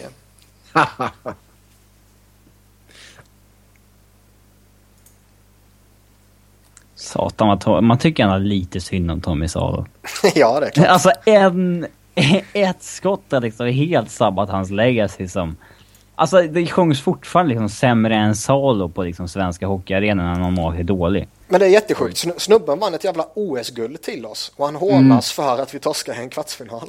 och han eh, vann ju guldet 98, VM 98 till Sverige, ja. i princip också, när de möttes i... De spelade två finaler mot Finland och Sverige lyckas göra ett mål på två matcher och tack vare ja, att Salih håller nollan i bägge matcherna vinner mm. Sverige VM-guld. Han har liksom ett, han har en räddningsprocent på 95,1 i det VMet. Goal against average på 0,77. Mm. VM 98 var fan mäktigt alltså. Mm. Många det stora spelare jag, som kom hem. Det minns jag väl. Det är så första hockeyminnet jag har riktigt. Eh, jag var sju bast då. Då är jag Robin är bättre. Eller jag och Niklas menar jag. Canada Cup 98, eller 88. ah, nej, riktigt så gamla är vi inte, men vi kommer ihåg Salos prestation i OS i alla fall. Nästa fråga på bordet. Vad ska Montreal betala för att få Matt Duchene? Skulle du vinna Stanley Cup om du får honom? en konstig fråga. du kan inte hänga ut våra lyssnare. Jag tycker det var en ja, jättebra fråga. Mm, kalasfråga. Men det har, inte, det, har inte, det har inte snackats något om Montreal och Duchene eller vad? Det är bara en random ja, random fråga. fråga. Var det någon Habs-fan antar jag? Ja, jag tror det. Okej. Okay. Eh, vad rimligt för det? Det vore väl... Jag skulle absolut inte vilja ha någon back tillbaka som alla tycker är logiskt när det gäller Habs, men... Skulle du tacka nej till PK Subban? Nej, inte. Men eh, alltså det är ju en... Eh, släpper Avs ytterligare en All-Star forward liksom så fan dags att få en tillbaka någon gång. Alltså släpper man honom, alltså de, de kom, Canadiens kommer inte plocka in honom och släppa Pacioretty. Det kan man ju utesluta ju. Nej, och det, det, det man kan... Fit. Ja, och det man kanske kan hoppas på i så fall är ju liksom typ Gallagher eller Galchenyuk. Men mm. eh, vill Habs verkligen släppa det? Det känns inte alls som en naturlig fit. Alltså en trade fit. Nej, jag håller med. Jag tror han skulle passa in fantastiskt bra. Alltså han och Plakinet som topp 6-centrar och så vidare. Det, det, tror jag skulle passa jättebra för Habs. Men jag ser inte en jättelogisk trade någonstans. Mm. Ja, nej, som sagt, få in Duchene där så kan man ju skicka ner Plekanic ett snäpp så... Mm. Ja, nej, det är som sagt, det känns ologiskt att de skulle deala med varandra. Men vi, vi, får se, vi får se. Skulle de vinna Stanley Cup då? Om de skulle få in Duchene? Jag vet inte. De har väl en möjlighet idag. De har väl eh, viss procentchans idag. De skulle ha en lite större procentchans då. Mm. Okej. Okay. Nästa fråga. Hur är det ens möjligt att vara så dåliga som Edmonton är just nu? Oilers gonna Oilers. Uh, är de... Oh. Vad... Men de har ju inget bra lag liksom. De har många bra spelare men de har inget bra lag. De har ju fortfarande... Vilken klyscha. alltså klyschor har ju blivit en klyscha av någon anledning och det är ju för att de oftast har någon form av sanning i sig. Nej, men jag, jag, tror inte att de är så dåliga så de ska vara sämst i NHL, det tror jag inte. Nej, det är visst absolut. Det håller jag med om. Men de är inte bra heller. Nej, nej. De har, de har inte ett lag som är så pass bra så att de... Nej, alltså vad fan, de har en back som är bra. Sen har de några backar som kan bli bra. Och fortfarande ingen målvaktslösning. Nej, och även om Talbot och Nilsson är, ja, visst, de är väl hyggliga och, och så vidare, men det duger ju liksom inte. Och sen Nej. har de ju samma losers som vanligt i forwardsbesättningen och visst, eh, en skada på Conor McDavid hjälper ju inte. Nej. Nej. Men nu med liksom Chiarelli och McLellan kanske det kan bli någonting liksom. Ja. Mm. Ja, 15 poäng på 22 matcher. Är det, ja. är det för tidigt att säga någonting efter 22 matcher i tabellen också? Inte att analysera ett lag, men att analysera en enskild spelares produktion, ja. Speciellt när den spelarens inte främsta syfte är att producera poäng, ja. Ja, alltså jag, ja, i Edmontons fall så har jag ju rätt svårt att se dem ta igen nio poäng liksom. Upp till... Nej, det är kört för dem. Om de inte, alltså, det är alltid något lag som gör någon sån här monster run som Ottawa gjorde, men... Det är ju 95% kört liksom. Ja. Okidoki. Uh, nästa fråga. Sidney Crosby och Alexander Ovechkin har varit ligans stora affischnamn en längre tid. Vilka tror vi kan vara det under 2020-talet? Alltså jag har svårt att... Nu The Ghost inte, Bear. Nu har inte jag någon vidare koll på vad som kommer i drafterna efter Aston Matthews egentligen. Men... Uh, alltså inte efter i år, utan åren efter Matthews. Men jag, i dagsläget har jag svårt att se att det skulle vara någon annan än McDavid bara. Alltså. Alltså, ska Om McDavid lever upp till hypen. De tre enkla namnen att säga är ju McDavid, Eichel och Matthews. Ja, men hade vi snackat och, för fem, fem, år sedan hade vi sagt eh, Nugent Hopkins. Eh, ja. När de hade samma hype. Ja, exakt. Mm. Alltså man, man vet ju inte. Tarasenko kan bli nya Ovechkin liksom. Mm. Vad händer med Nathan det, McKinnon? Det, det kommer väl ändå vara jäkligt svårt att... Alltså den stat, alltså Ovechkin Crosby-statusen. Den, den, jag vet fan om det blir ens något sånt liksom. Nej, de kan mycket väl vara unikum och så vidare. Eh, mm. Och liksom det är ändå fem år bort så det är jättesvårt Men de kom fram, de så kom fram exakt samtidigt. Den ena var ryss, den andra var liksom Kanadas liksom gullegris. Ja. Det är liksom så här, Det är så här, det var så naturligt att de hypades upp från varsitt håll. Ja, de bra saga. Så tid liksom. Ja. ja. Men... Uh, alltså... Lagen var lite rivaler och så vidare liksom. Det det känns inte som det kommer bli så. Mer. Nej, det kan jag hålla med om. Sen är det ju liksom om det är fem år bort och om sex eller sju år så kan Conor McDavid mycket väl redan ha pikat och vara på väg ner. Jag tror det inte, men liksom det går ju inte att utsluta. Mm. Så det, ja, nej, det lite väl tidigt att börja spekulera in på 2020-talet känner jag. Mm. Hur ser vi på St. Louis den här säsongen? Kan det gå hela vägen? Frågetecken.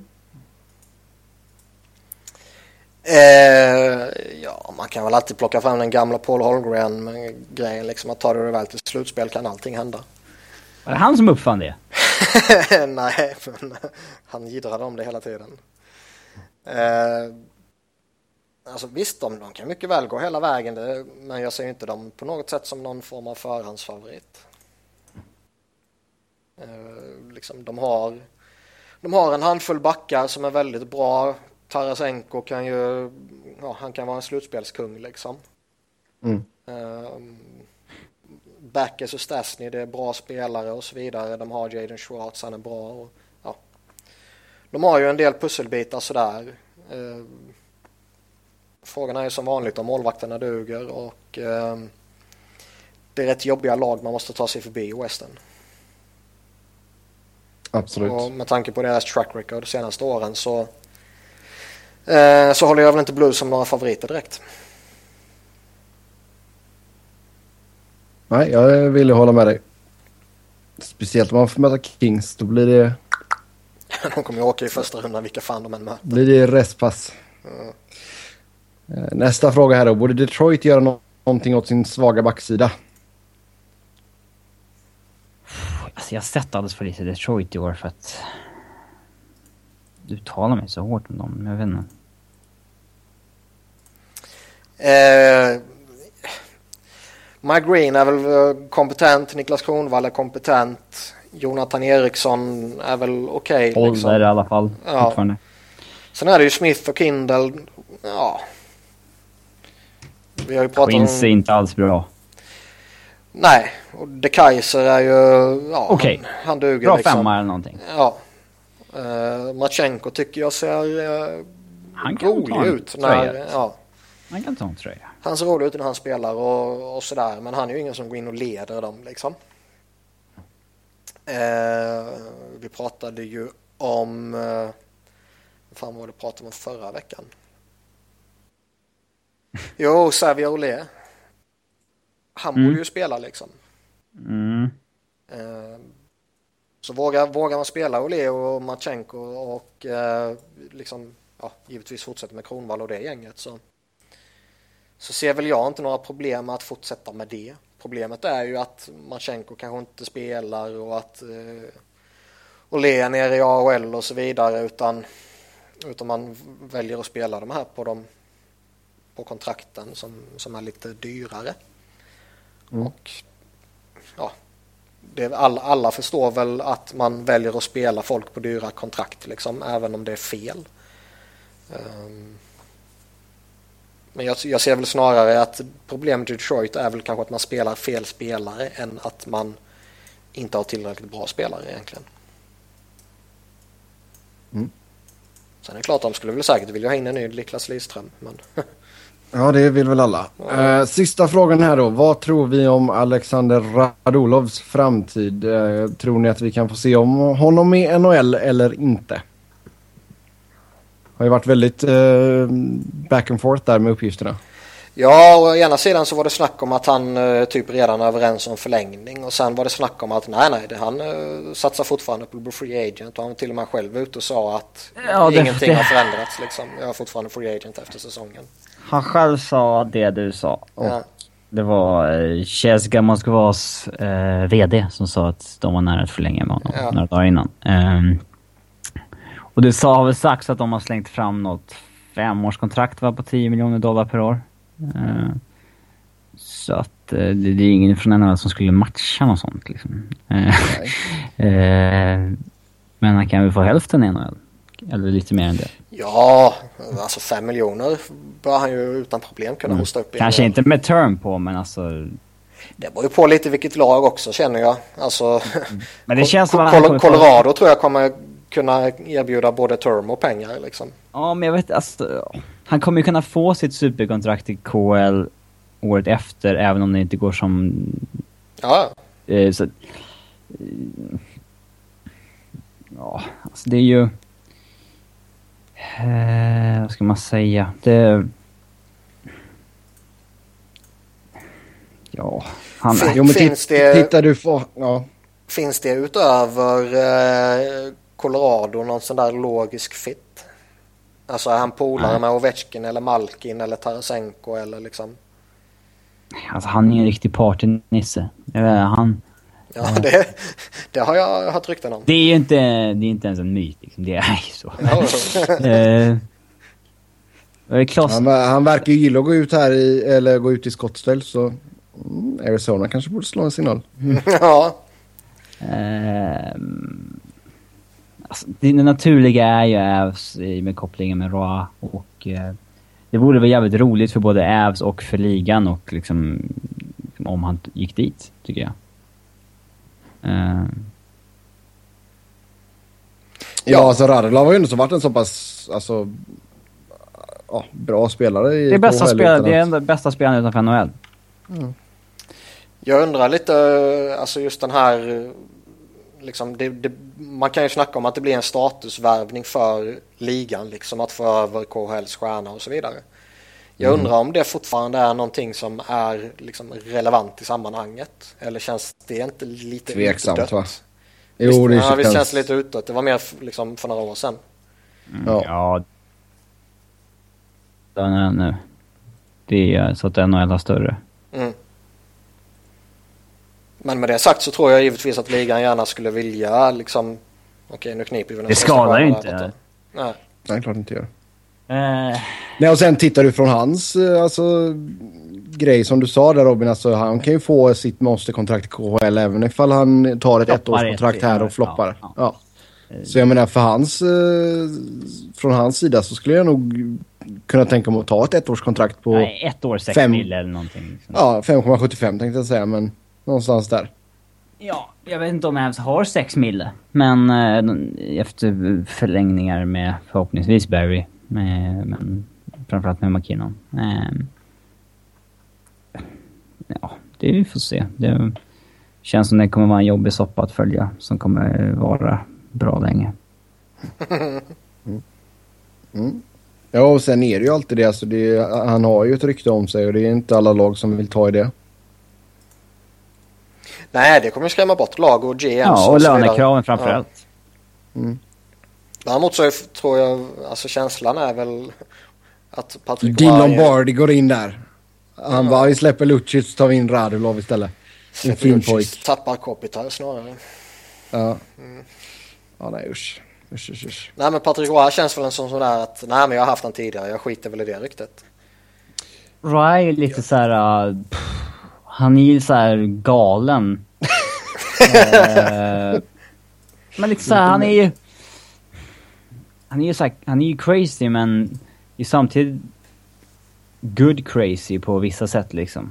Han skulle kunna göra så, som det här med att börja plocka målvakten 3-4 minuter före slut. Liksom. Men jag skiter väl i hur det varit förr liksom. Så här, mm. liksom jag, jag skiter väl i om jag gör en trade inom divisionen liksom. Eller jag liksom så här, på sådana sätt liksom. Eh, skulle han kunna göra någon form av stroke of genius Eh, I och med att han liksom inte har någon spärrar. jo, absolut. Och samtidigt så har han, alltså med tanke på vad han gjorde som spelare också, alltså okay. där tror jag att Radulov har lite respekt för Roa också. Ja. Men alltså sådana spelare finns det ju överallt liksom. Sådana gamla spelare som liksom antingen som du är inne på som gamla, gamla hjältar eller liksom nuvarande väldigt respekterade spelare. Sådana finns det ju överallt ju. Jo, men just den kombinationen med att han är galen. Så jag, skulle han börja skrika åt Radlov så tror jag att han skulle lyssna och inte bara in i ena örat ut genom andra. Ja, jag vet inte om någon kan skrika på Radlov. Men uh, han är ju... Ja, det, det, var, det är det en, jag tycker det är enda den naturliga fittet man ser i NHL. Faktiskt. Bara på grund av kopplingen med Ra i princip. Ja, men så är det. Mm. Med det så säger vi tack och hej för den här gången. Som vanligt så går det bra att eh, snacka hockey med oss via Twitter. Mig hittar ni på att Noren. Niklas hittar ni på att Niklas Wiberg. Niklas med C och enkel V. Och Robin hittar ni på R underscore Fredriksson. Tills nästa gång, ha det gött. Hej!